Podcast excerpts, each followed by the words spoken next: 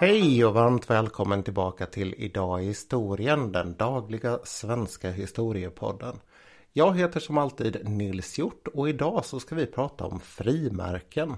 Jag vet, det kan låta ganska tråkigt men jag lovar att det är mer intressant än vad du kanske tror. Och vi kommer dessutom att stöta på två stycken ganska sköna personer under dagens poddavsnitt. För att kunna prata om frimärken så måste vi bege oss tillbaka till dagens datum 6 maj 1840. Och platsen det är London.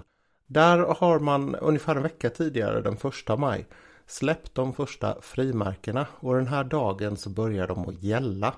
Nu ska man kunna skicka brev, inte bara med hjälp av små etiketter som man klistrar på utan dessutom med ett helt nytt system med en helt eh, ny tanke bakom. Mannen bakom den här idén det var Roland Hill och han hade egentligen ingenting med post och brev att göra.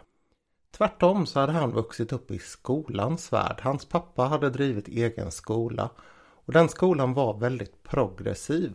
Den eh, byggde inte alls på sådana här gammaldags auktoritära regler och hot om stryk och saker om man inte skötte sig och kunde sina läxor. Tvärtom så försökte han, eh, pappan alltså, utbilda barnen genom att lära dem vänlighet och att det var grunden för moral. Roland han kommer redan som 12-åring att börja undervisa i den här skolan och ganska snart så tar han över driften av den. Det går inte bättre än att han startar sin egen skola några år senare ihop med åtminstone en av sina bröder. Den här skolan den heter Hazelwood och den blir väldigt, väldigt känd för att den är så pass nyskapande. Det finns olika nya konstruktioner här som ett elevråd som bestämmer reglerna på skolan. Och dessutom så hade man en läroplan som var väldigt annorlunda mot de mer klassiskt orienterade skolorna i England. Här låg fokus på matte och fysik till väldigt stor del och han menade att ett lands möjlighet att bevara sin position som England, man såg sig ju verkligen som ledaren i världen vid den här tiden. Det hängde i att kunna skapa goda förutsättningar för att utbilda folk som kunde utveckla landet. Och att utveckla landet det var ju någonting han brann för. Han släppte dock skolverksamheten i 30-årsåldern och började istället arbeta med koloniseringen av södra Australien. Det arbete han gjorde där det förändrade helt och hållet sättet att resa dit och det blev väldigt mycket säkrare och väldigt mycket bättre organiserat.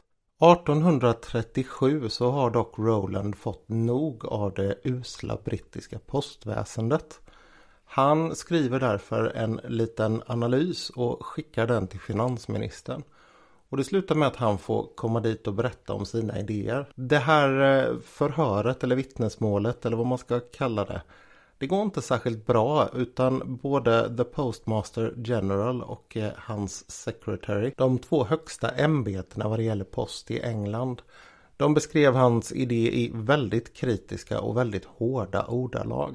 Roland Hill han insåg att den här vägen den är ingen idé att försöka gå. Men samtidigt så är det väldigt tydligt när man läser om honom att han inte var en person som gav upp särskilt lätt. Så han provade på ett helt annat sätt. Han satte sig ner och skrev om sin eh, rapport eller analys, vad vi nu ska kalla den, till en eh, mer pamflettliknande bok på knappa hundra sidor. Han visste att det fanns folk som liksom han var väldigt trötta på postsystemet och han visste att hans idé den var väldigt bra.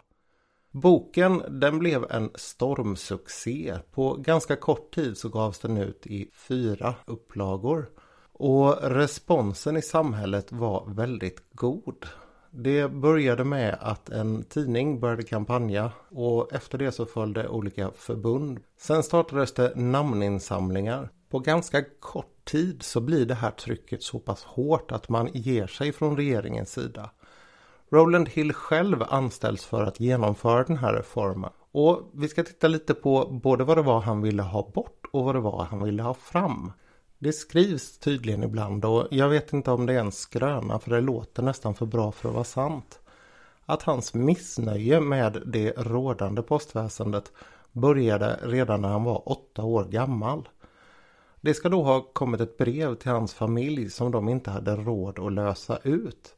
För det var nämligen mottagaren som betalade portot på brev. För att kunna betala det här brevet så fick Roland gå in till stan och sälja gamla kläder och sen komma tillbaka hem med pengarna som han hade fått och lösa ut brevet. Ett annat problem med det här systemet var att det var väldigt dyrt att skicka brev. Att skicka tre sidor från London till Birmingham kostade två skilling och tre pence. Och det motsvarade nästan en dagsinkomst för en vanlig person. Anledningen till att det var så dyrt det var att man betalade utifrån både vikt och avstånd som man skickade brev.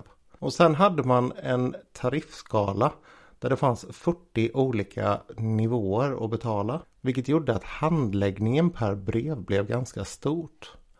Och Roland Hill han verkar komma rakt ur den här klassiskt liberala engelska skolan både vad det gäller människosyn och uppfattning. Hans tanke här var väldigt långt före sin tid ur ekonomiskt perspektiv.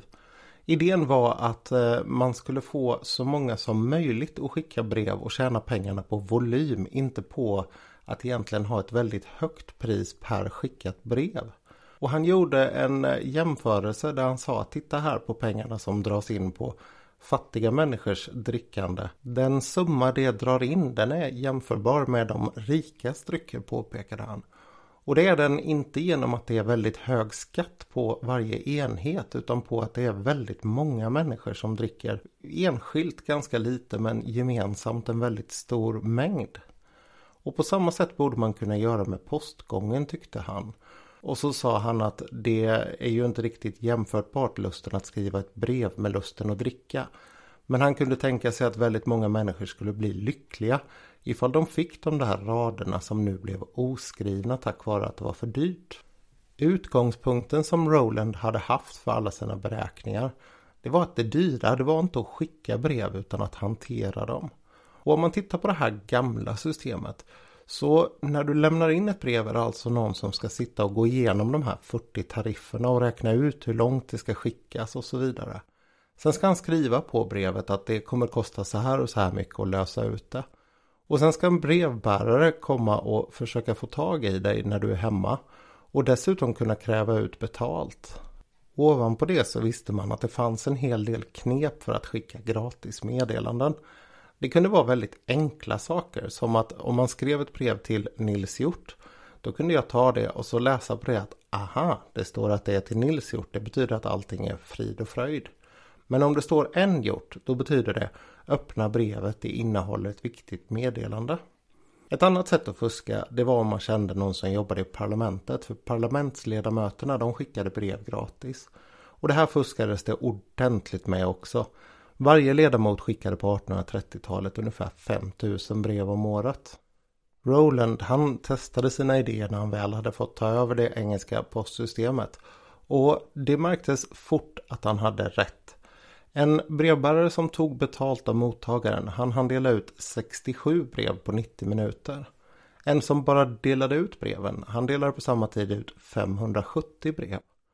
Och om man tittade på vad kostnaden var för att skicka ett brev från London till Edinburgh då var det bara en 36 dels penny. Baserat på de här idéerna så kom man fram till att det optimala priset skulle vara en pence. Och det var ju om vi då jämför med priset tidigare från London till Birmingham en 27 del. Dessutom skulle det här priset på en pence gälla vart man än skickade det i hela England. Återigen därför att det dyra var inte att skicka brevet. Det var att det var en massa folk som satt och räknade kring det. Rolands nya system blev en supersuccé. På ungefär två och ett halvt år så trycktes 68 808 000 frimärken av den här Black Penny som den första utgåvan kallas. Och det var precis som han tänkte i första hand de vanliga människorna som började skicka vansinnigt mycket mer brev. På ett år så dubblades mängden brev som skickades i England.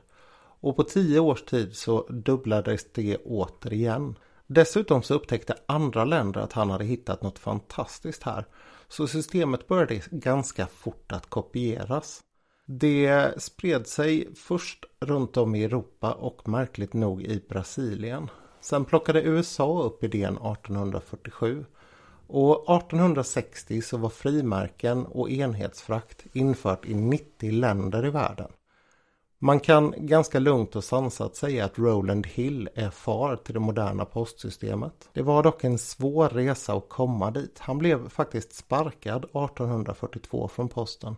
Därför att det fanns ett så starkt inre motstånd mot den här, vad ska vi kalla honom, inkräktaren som inte kom från den rätta bakgrunden. Han vann dock den striden för 1846 så fick han komma tillbaka efter att ha gjort underverk på tåglinjen mellan London och Brighton. Han skulle stanna där till 1864 innan han gick i pension. Då hade det gått tre år sedan den första listan för frimärkssamlare hade kommit ut. Och året efter 1862 då kom också det första frimärksalbumet ut. Det här blev fort en jättestor hobby och den skulle bara fortsätta och fortsätta och växa i takt med att fler länder införde frimärken. I Sverige så började vi med frimärken 1855 och bara något år därefter så skulle det hända ett litet misstag på ett tryckeri som skulle skapa en alldeles speciell del av frimärkshistorien. Av någon anledning så trycktes det då ett gult 3 skilling banko-frimärke. De skulle egentligen vara gröna och man tror att det här beror på att matrisen man använde när man tryckte hade gått sönder och att någon tog en trea istället för en åtta, frimärkena som var gula, och satt in i den och sen tryckt färdigt. 1886, alltså 30 år senare, så var det en ung tonårspojke som hette Georg Wilhelm Backman som rotade igenom gamla brev hemma hos sin mormor på hennes gård. Han visste att hemma i Stockholm så skulle han kunna få 7 kronor för ett treskillingsfrimärke. Och han ville ha de där pengarna för det var riktigt mycket pengar på den tiden. Av någon anledning så var frimärket han hittade gult och han tyckte att det här var lite konstigt. Men han tog med det hem till Stockholm och han gick till den kände frimärkssamlaren Liechtenstein som fanns på den här tiden.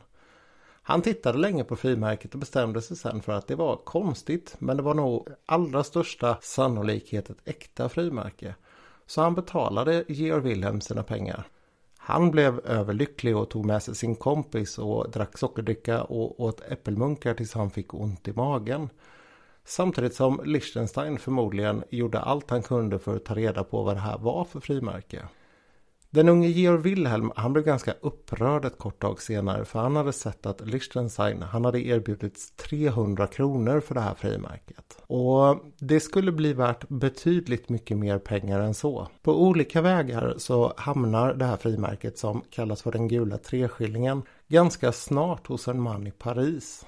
Hans namn är greve Philippe de la Renotière von Ferrari och han är duktigt rik både från mammas och pappas sida. Det är en familj som kan jämföras med Rothschilds och de hade finansierat olika stora byggprojekt, bland annat Suezkanalen och utbyggningen av järnvägar i flera länder i Europa. Han blir osams med sin pappa och vägrar vad jag förstår att ta emot arvet från honom. Men de pengarna han ärvde efter mamma räckte gott och väl för att leva ut de allra vildaste frimärkssamlardrömmar. Han hade heltidsanställda personer som tog hand om hans frimärken och jagade efter nya. Och han hade dem på bästa adress mitt i Paris, nämligen hemma. Hans hem är idag premiärministerns bostad i Paris, så han bodde ganska flott. Den samling han byggde upp fram till sin död 1917, den anses ha varit den bästa som någonsin har funnits i världen. Den ska ha omfattat alla frimärken som fanns då. Även de här konstiga som gul treskilling banco som bara finns i ett exemplar. Vid sin död så hade han bestämt att den här samlingen den skulle doneras till postmuseet i Berlin. Men eftersom han dog 1917 och det var världskrig då så sa franska staten bara lugnt och sansat att det där behåller vi. Och när kriget tog slut så såg man det som en avbetalning på skadeståndet från Tyskland. Försäljningen av grevens frimärkssamling den drog i dåtidens penningvärde in ungefär 2 miljoner dollar när den såldes mellan 1921 och 1925.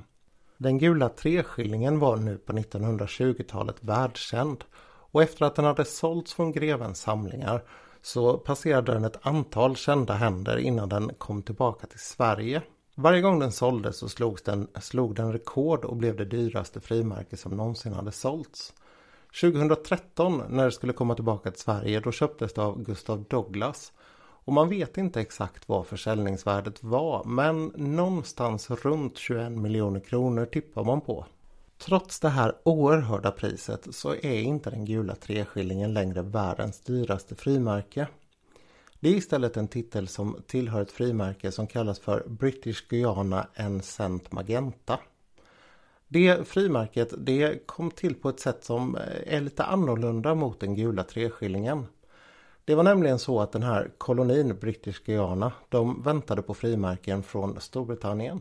Och när de inte kom så ansökte man om att få göra egna tillfäll tillfälliga frimärken.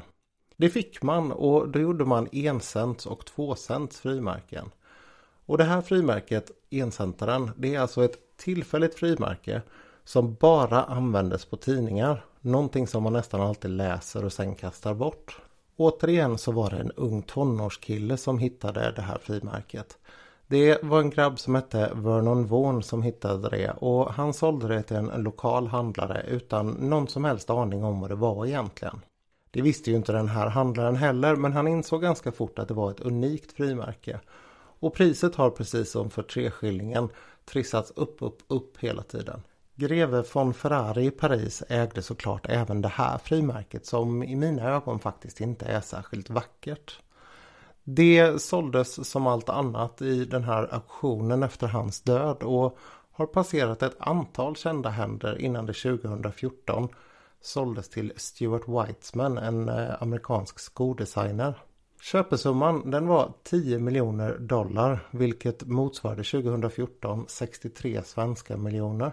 Nåväl, det här var lite om var frimärket kommer ifrån och olika personer som har samlat frimärken förr och idag. Jag tackar för att du har lyssnat idag. Som alltid om någon vill nå mig på något sätt så kan ni skriva på nils.nhjort.se eller gå in på Idag i historien på Instagram och skriva en kommentar där. Vi hörs imorgon och tills dess allt gott!